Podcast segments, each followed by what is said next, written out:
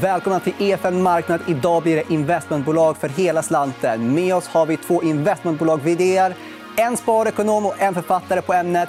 Nu drar vi igång veckans EFN Marknad.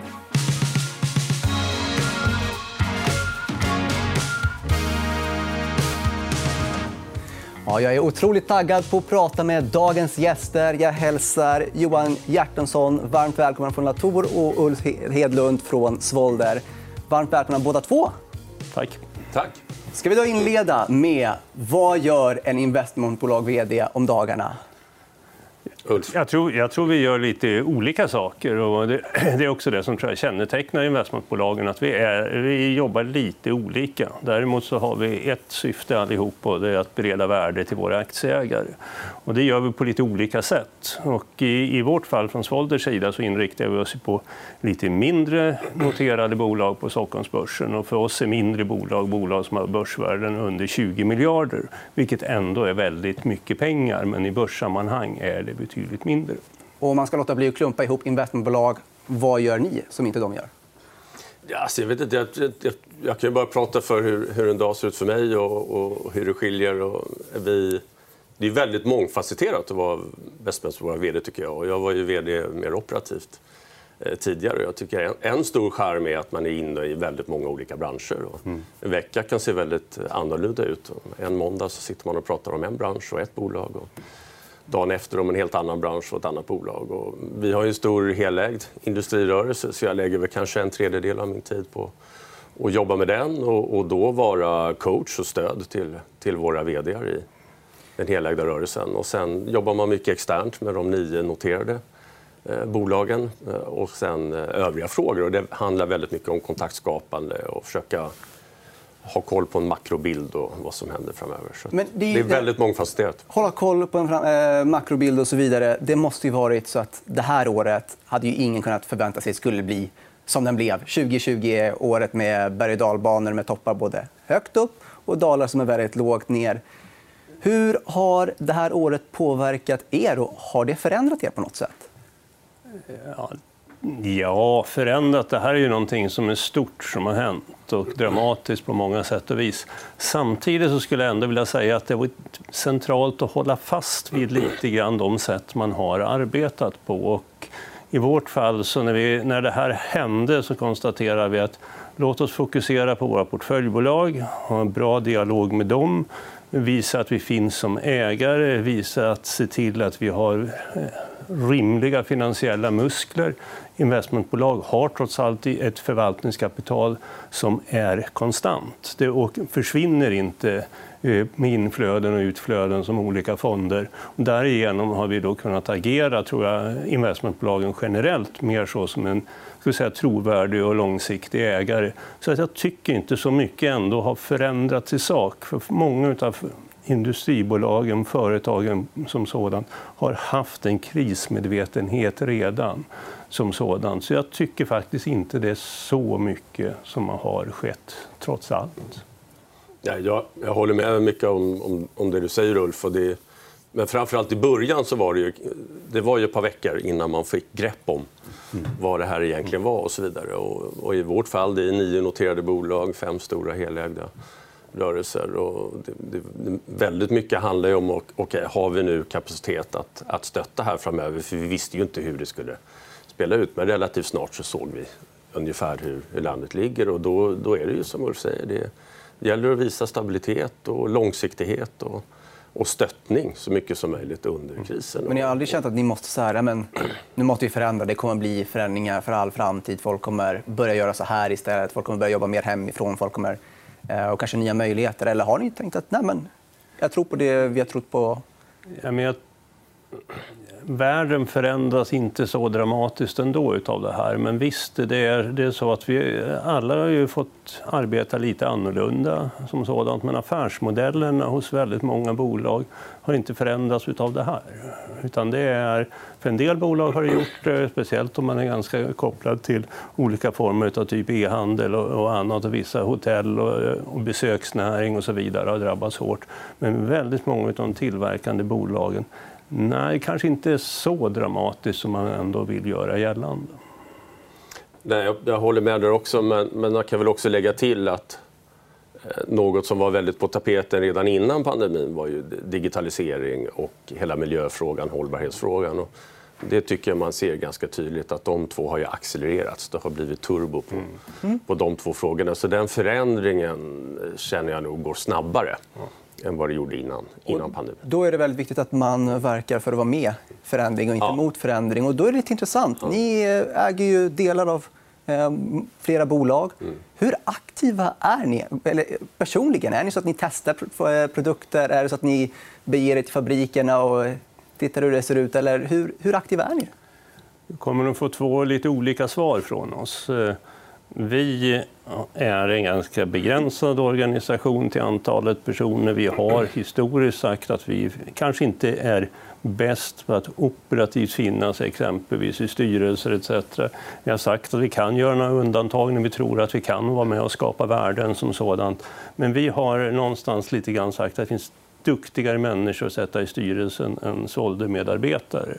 Och eh, det har vi lite grann följt och då, då sålunda bedrivit en analys lite grann på, på det viset på lite distans jämfört med att vara i gröten vid varje tillfälle. Däremot är vi ofta ute på bolagen, vi har god kontakt med företagsledningarna etc.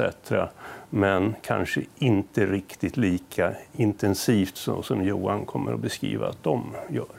Ja, det stämmer. Det, det, finns en, det finns en skillnad där, men en del likheter också. Vi, vi har ju väldigt stor respekt för den operativa ledningen och vdn i, i bolaget. Och jag tror inte du får inte den bästa ledningen om du inte heller också visar eh, att du kan hålla lite distans eh, som ägare. Men med det sagt så är det ju så i, i de allra flesta av våra noterade portföljbolag, där är ju vi huvudägare. Och, eh, och vi agerar också som huvudägare genom att vara aktiv i i styrelserna. Och vad konkret är det ni gör då?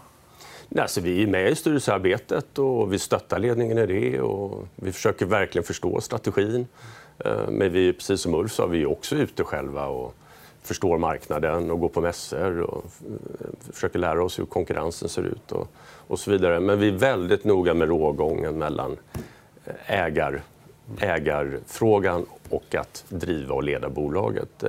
För det är vår absoluta erfarenhet att Annars får du inte bra, bra ledningar i, i de här bolagen. Så att det, vi, är väldigt, vi är närvarande och stöttande och aktivt intresserad utan att lägga oss i för mycket. Ska jag säga. Men en viss skillnad mot vad Ulf beskriver. Kanske vi kan lägga till då att vi gärna mm. inte är största ägare. För det vill vi oftast ha någon som är committed för mm hela livet om nästan. Ja, och där har vi olika investeringsfilosofier. Eh, däremot är jag gärna nummer två, eller tre eller fyra. Eller något sådant. Och eh, utifrån den positionen försöker aktivt arbeta för bolagets bästa. Men här blir det lite intressant. Då. Eh, ni får svara var för sig på den här. Om det kommer någon som pitchar sin, sin aktie, den här aktien vill vi att ni investerar i och ni tycker att det låter som en bra idé. Vad är det för kriterier ni då har tittat på? Vad är det som gör att det här blir ett köp men det andra kanske inte. Det är, ganska, ja, det är ganska många faktorer. Eh, någonstans tror jag det är viktigt att ett företag har någon form av tillväxt vad det gäller eh, resultat, rimligt kassaflöde, rimliga finanser eh, som sådant. Men någonstans måste man... Allting det här kokar någonstans ner på är också värdering. Och det tycker jag ibland att för många aktörer tittar på trend och för lite på nivå. Och i, I de sammanhangen så kanske vi med analysmodeller och annat mer försöker finna vad är en övervärderad och vad är en undervärderad aktie. Och, och de bitarna kommer in ganska tydligt i vår, eh, i vår process som sådan. Sen vet vi också, i och med att vi är inne i lite mindre bolag, det är så att vi kan inte köpa och sälja över dagen de här innehaven. Utan vi, vår analys, om den är felaktig så syns den. Detsamma om den är bra. För det är, vi måste bli kvar med aktierna under ganska lång tidsperiod. Och hur ser det ut för er då på Latour?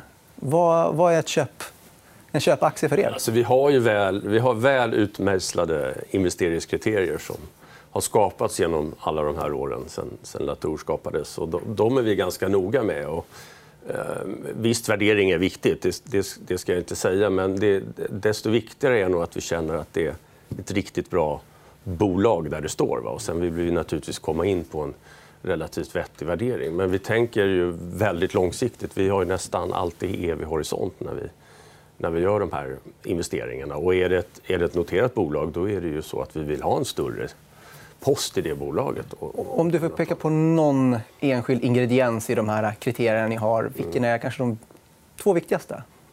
Det är ledningen, är en av de absolut viktigaste. Och sen att det finns en bra eh, potential på internationalisering. Att man har egna, egna produkter och att bolaget är innovativt. Nu blir det en hel radda här, men det är många saker tillsammans som är bra. Men vi tittar mycket på ledningen och, och hur, på kulturen. Om jag ska liksom investera, då är det ju vi har ingen aning hur jag ska ta reda på uh, hur en bra ledning är och så vidare. Mm. Hur gör ni? Då? Är det så att ni bokar ett lunchmöte, pratar med dem uh, eller gör ni research kring folk runt omkring där? Eller? Det är flera saker. Vi gör research. Vi tittar lite på konkurrenter. Vi tittar hur de positionerar i branschen. Men sen är det som du är inne på, det, det handlar väldigt mycket om personer. Kanske börjar med ett lunchmöte, så gör man ett företagsbesök. Sen kanske man tar en middag. Då träffas man igen.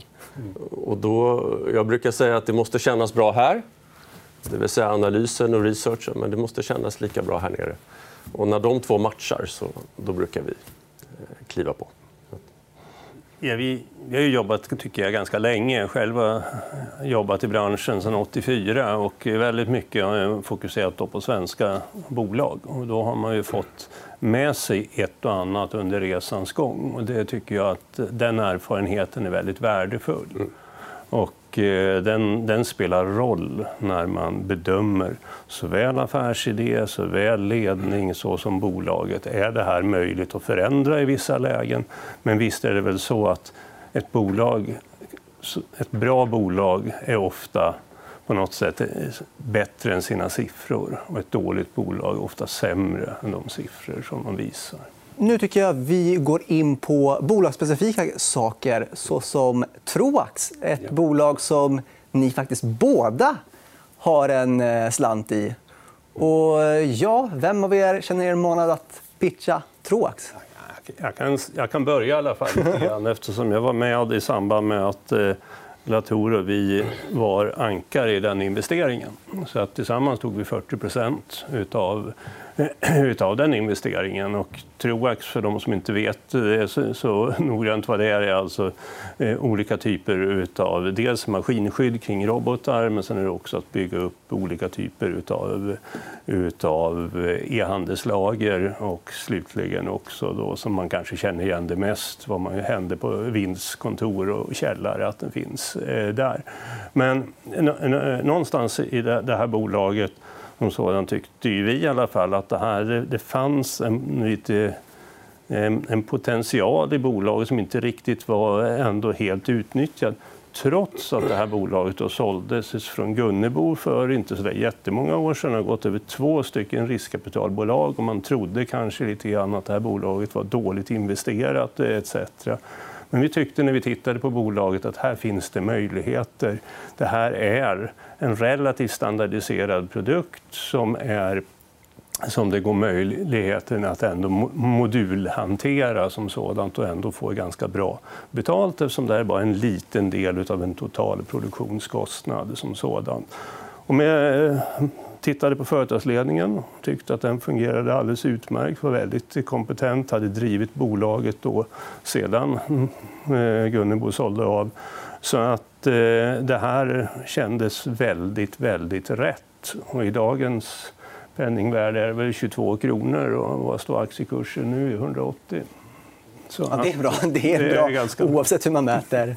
Ja, vi är väldigt nöjda med Men skulle du kanske kunna konkretisera vad var det för potential ni såg som kanske inte marknaden såg? Nej, men den, den, den stämmer väldigt väl med våra investeringskriterier i Troax. Det är en, en liksom väldigt, väldigt fin produkt. Och, det, och man kan, när man bara tittar på produkten så där så kan man tycka att det är en ganska enkel produkt. Ett, ett staket eller ett, eller ett galler. Då. Men, men jag tror mycket hemligheten är hur den tillverkas. Och bolaget är extremt väl investerat i den tillverkningsapparaten och produktionsapparaten för att, att få till det här och hela logistiken runt att få till det här. Och det är inte lika eh, enkelt som man tror. Och vi såg ett fint bolag i Småland, i Hillerstorp utanför Värnamo som hade börjat sin internationaliseringsresa där vi tänkte här kan vi vara ett bra stöd och fortsätta den internationaliseringen. Troax har idag en marknadsandel lite på hur man definierar det, som Ulf var inne på, på ungefär 15. Så det finns fortfarande en väldig, Eh, väldig utveckling kvar och möjlighet kvar. Och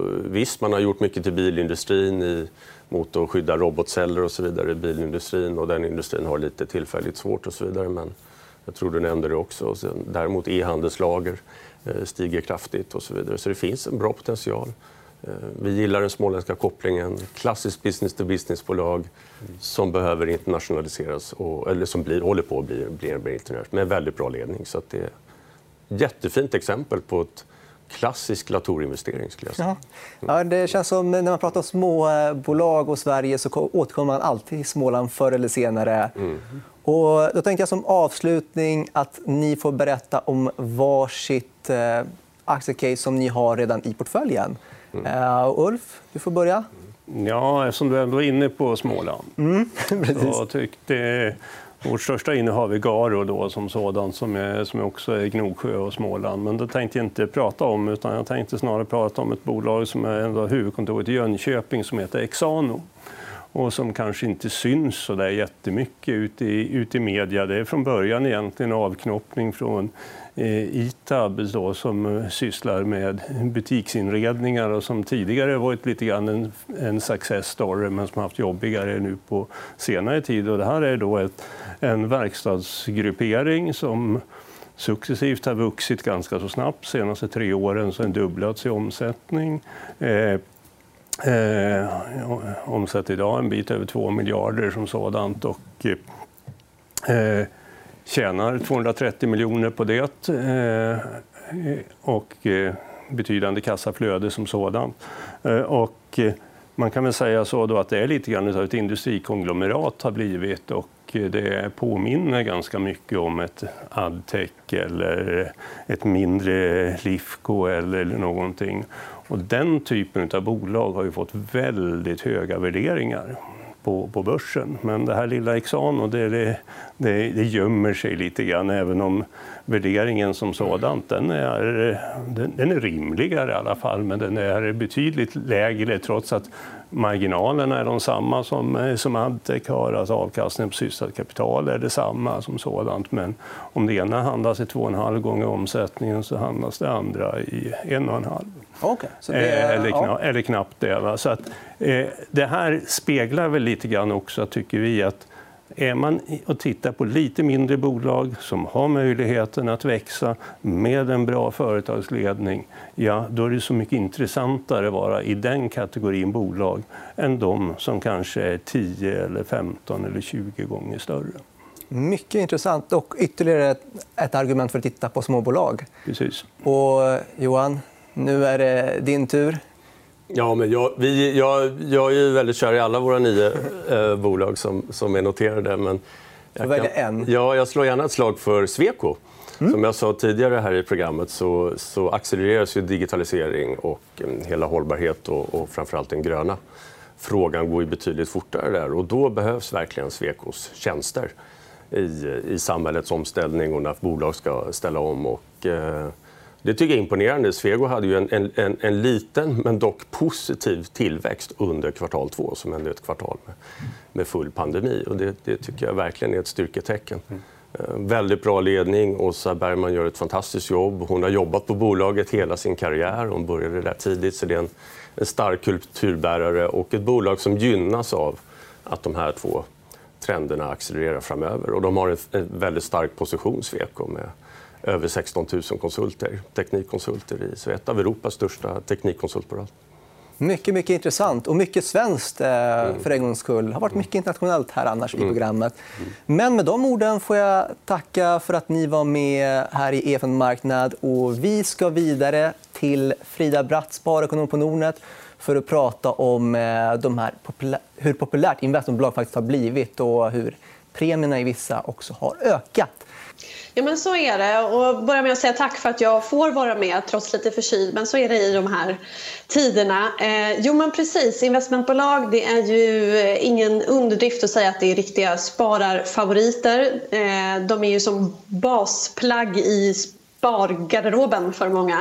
Eh, speciellt då Investor eh, särskilt som har verkligen skjutit i höjden i popularitet men även de lite mindre eh, investmentbolagen. Vi har exempelvis eh, vi har Svolder.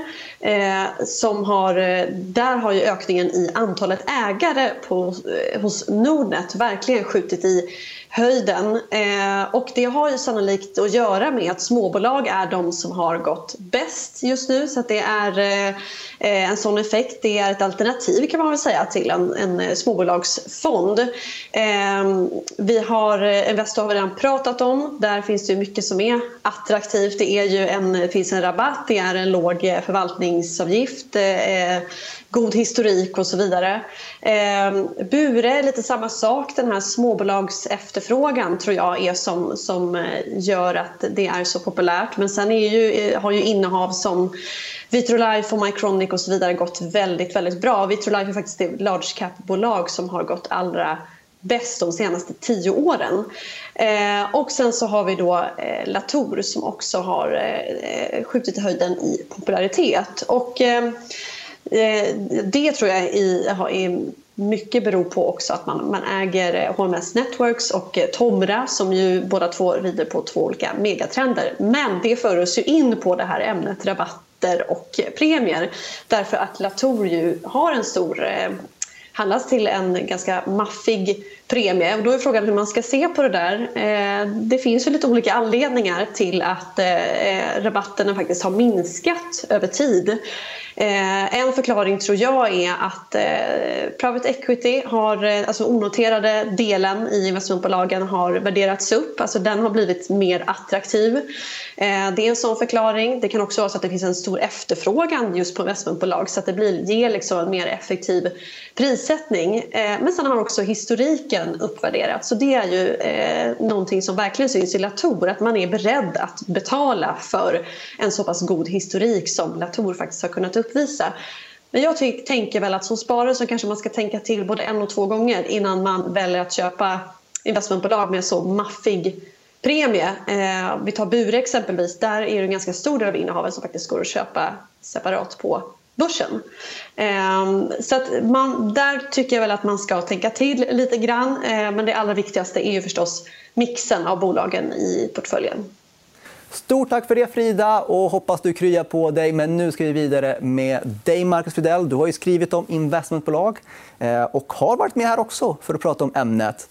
Men vi eh, pratade ju nyss med Frida om det här med premierna har ju stuckit upp i vissa bolag rejält. Hur känner du för eh, just det? Ja, men det där är verkligen eh, någonting som har förändrats bara sen jag var här senast, eh, före sommaren. Historiskt har investmentbolagen i stort sett handlats allihopa till, till rabatter. Eh, Lundbergs har, brukade handlas till premie även förr i tiden. Och, eh, samma sak med, med Latour. Eh, och de här har gjort det för att de har, har gjort ett väldigt bra jobb och haft ja, en fantastisk avkastning över tid. Eh, men nu är premierna på sina håll väldigt, väldigt höga. Som du nämnde, Creades på 70-80 eh, premie. Det luktar nästan lite tulpanlök, tycker jag. Eh, så att där tycker jag man ska vara väldigt försiktig som småsparare innan man går in och köper någonting för 70-80 premie. Men om man då kikar på alla investmentbolag är lite olika. Vissa har mycket mer noterat, vissa har onoterat. Om det är väldigt mycket noterat, ska man då vara extra försiktig för premien? Ja, om, det, om det är mycket noterat så ja, men då är det väldigt tydligt att, att det verkligen är en premie mot hur marknaden värderar aktierna. När det finns mycket onoterat i portföljerna, men då kan man alltid räkna på det och kanske motivera att Creades del i Apotea kanske skulle vara värd sky, ha en skyhög värdering på börsen eh, och liknande. Eh, så, så, absolut, det kan ju gå att motivera till en viss del. Eh, men eh, jag tycker ändå att man, eh, jag tycker man ska vara konservativ som investerare och vara försiktig med höga värderingar. Risken är att det slår Ja, om, man skulle börja underprestera och man får ja, dålig utveckling i underliggande aktier samtidigt som en, en premie på ja, kanske 70-80% ska ner till, till en rabatt. Men det blir ju en extrem smäll om det skulle gå, gå så illa. Och då tänker jag att okay, det, det, är höga värderingar för investmentbolag helt enkelt, generellt. Ja. Men om eh, du ändå skulle köpa ett investmentbolag, vad är det, vilka investmentbolag tycker du är intressanta fortfarande? Ja, exakt. Ja, men den här grejen förändrar egentligen inte att investmentbolag kan vara väldigt intressant som, som investering. Eh, fortfarande handlas, eh, framförallt Investor tycker jag man, man kan köpa på ja, 16-17% rabatt. Ja, vi, har, vi, kan bara ta en fråga på just det. Ture mm. undrar vad är fördelar och nackdelarna att ersätta fonder mot investmentbolag som ja. liksom, tillgång. Ja, men exakt. Alltså, jämför man, om man tänker en fond handlas ju aldrig till en rabatt. Där betalar man alltid exakt, ja, exakt. Eh, vad man får. Eh, fördelarna med ett investmentbolag är att man, eh, man får en mycket billigare förvaltningskostnad i regel. Eh, som Latour, som här tidigare, de, har, de är bäst i klassen där med en så låg, värdering som 0, eller, låg förvaltningskostnad som 0,1 procent. För aktiva fonder skulle det vara helt outstanding om man Exakt. få det. Och det blir liksom nästa del av det här. De här investmentbolagen är ju i regel ännu mer aktiva ägare än vad en aktivt förvaltad fond är. Eh, och de, de går ofta in i styrelser och eh, ja, är en bra långsiktig ägare. Och jag tror att det är en del av varför investmentbolag har gått så pass mycket bättre eh, än fonder eh, Eh, historiskt. Man kan backa både 10, 15 och 20 år och se att de har överpresterat. Eh, men sen är det klart, nu när det sista året så har en del av överavkastningen kommit från att premierna blir eh, högre eller att rabatterna försvinner. Eh, och det är klart, det där, det där kan man inte leva på i all evighet. Utan, eh, på längre sikt så måste ju bolagens substans öka. Men skulle du då vara... Om det finns ju många som investerar i fonder som i sin tur består av investmentbolag. Eh, Spilton har en väldigt populär sån fond. Skulle det kanske vara en ännu viktigare idé numera att eh, vara en stockpicker när det kommer till investmentbolag och välja enskilda som inte har en sån hög värdering. Ja, verkligen. Jag tycker man ska vara eh, kanske ännu mer selektiv. Eh, för att köper man en fond, då får man med delvis de här som har väldigt höga premier och där, ja, men där risken på något sätt blir lite högre. Då. Eh, så att, eh, absolut, var selektiv och kanske viktigare än vanligt att veta ja, men vad man köper och och eh, varför. Och vara noggrann med, med värderingen. Och någon som har hyfsat koll på vad man köper och vad värderingen är, det är ju du. Vad är det för investmentbolag specifikt du tycker är mest intressanta nu? Eh, jag skulle välja, eh, som vanligt, på att säga, men Investor tycker jag är en superbra bas i en portfölj. Klassiker. Eh, verkligen. Den hade en rabatt som var så hög som 30 för ett par år sedan. Eh, nu är den nere på 16-17. Eh, så att det är lite dyrare än vanligt även där. Det ska man komma ihåg. Eh, men fortfarande kan man köpa Investors portfölj till 16-17 rabatt. Ja, jag väljer det alla gånger framför en, en fond med en, väldigt hög avgift. Då. Och hur känner du för eh, Kinnevik som har eh, pendlat lite fram och tillbaka och gjort en rejäl omstrukturering när de eh, delade ut Millicom? Exakt. och De har ju gått ännu hårdare på att satsa på digitala investeringar. Det har varit eh, verkligen en, en vinnare genom coronan. Här. Den här strategin kunde inte ha spelat ut bättre än vad den har gjort. Eh, nu har eh, ja, Zalando varit uppe på all time high, som är deras största innehav. Eh, flera av de små innehaven har gynnats massa också. Livongo är den som har gått allra bäst kanske genom, genom coronan med uppgång på flera hundra procent. Um, och, ja, jag tycker den, det är fortsatt en intressant uh, aktie, men lite samma sak här. Man kunde köpa den med 20% rabatt för nåt år sedan. Ehm, nu är den här rabatten nere på ett fåtal procent bara. Ehm, samtidigt som Zalando står på all time high och så vidare. Ehm, jag tycker den platsar i en investmentbolagsportfölj eh, fortfarande. Men värderingen har ju blivit högre. Så. Men eh, ska vi då kanske ta upp en, eh, en aktie som ett investmentbolag som har haft det tufft jättelänge, Ratos. Men de har fått en, någon av en revansch. Tycker du det är aktuellt med att kika på Ratus igen? Ja, men verkligen. De har ju eh, haft eh, Wiström inne som vd i, ett par år är väl nu. Och, eh, ja, det har varit ett, ett gnetande att eh, försöka vända trenden i de här portföljbolagen där som många av dem har haft stora problem. Eh, jag tycker att eh, ja, om, man, om man tycker att investmentbolag generellt är högt värderade så ser inte Ratos särskilt eh, dyrt ut. Eh, där får man räkna på det mer som ett Eh, som en industrirörelse eller ett konglomerat kanske. De presenterar ju sitt rörelseresultat. Och, ja, men där, där ser det faktiskt attraktivt ut. Och eh, det ser ut som att trenden har börjat vända. Så det, det ser jätteintressant ut. Eh, storägarna där, Söderberg, har ju också ökat på här under ja, senaste året. Och, ja, det, det, är nog bra nivåer som den här kommer ifrån. Och, ja, den har nog fortsatt potential, tror jag. Eh, och samtidigt så har man ju hört att du börjar kika lite grann på utländska investmentbolag. Ehm, är det så att nu när det är så höga värderingar i Sverige att eh, det kan vara en god idé att blicka utomlands på investmentbolag där? Ja, men det, det tror jag verkligen. För den här uppvärderingen vi har sett eh, av de svenska investmentbolagen det är nog eh, inte någonting som gäller eh, globalt på något sätt. utan eh, Det har nog kanske blivit en lite större hype här. Då. Eh, man kan hitta massa investmentbolag runt om i världen, både Europa och USA och, eh, där man kan handla till ganska rejäla rabatter. Vill du nämna en eller två? Eh, jag tror jag har, jag tror jag har nämnt eh, några av dem tidigare. Men eh, exempelvis eh, Grupp eh, Bruxelles Lambert eh, noterade Belgien. Eh, de äger bland annat Adidas och eh, Pernod Ricard eh, som äger Absolut Vodka i sin tur. Då. Så en portfölj med väldigt starka varumärken. Och den här... Inga dåliga varumärken. Det här Nej, är inte rabatt. inte. Och det här handlas till ja, omkring 30 rabatt. Då. Eh, Så det är ju på en nivå där, där man kunde köpa svenska investmentbolag eh, tidigare. Eh, Så det kan vara intressant. Ja, eh, och som avslutning så har vi fått en tittarfråga från Miljonär innan 30 som undrar varför inte återköp i större utsträckning används i investmentbolag här i Sverige.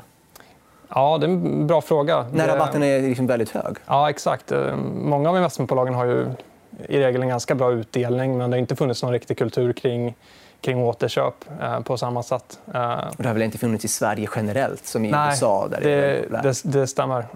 Och Jag har någon gång frågat eh, ja, men när investmentbolagen har väldigt höga rabatter, va- varför borde man inte kunna återköpa lite grann? Men motiveringen är oftast att man hellre vill investera i eh, eller satsa på de investeringarna man tror på. Investera i nya bolag. Så man, man tror mer på sin, eh, sin verksamhet. Men det är klart, i vissa fall om man har en bra portfölj då är det kanske mer rationellt att köpa den egna aktien till en kraftig rabatt än att fortsätta investera i, i underliggande innehav till, till ordinarie pris. om Man säger så. Mycket, mycket intressant. Men det får bli våra avslutande ord. Tack för att du var med oss, Marcus Fridell. Och vi i EFN Marknad är ju tillbaka på fredag som vanligt. Och Då kommer det bli lite mer investmentbolag igen med Kinnevik som är här. Det får ni inte missa. Vi ses då!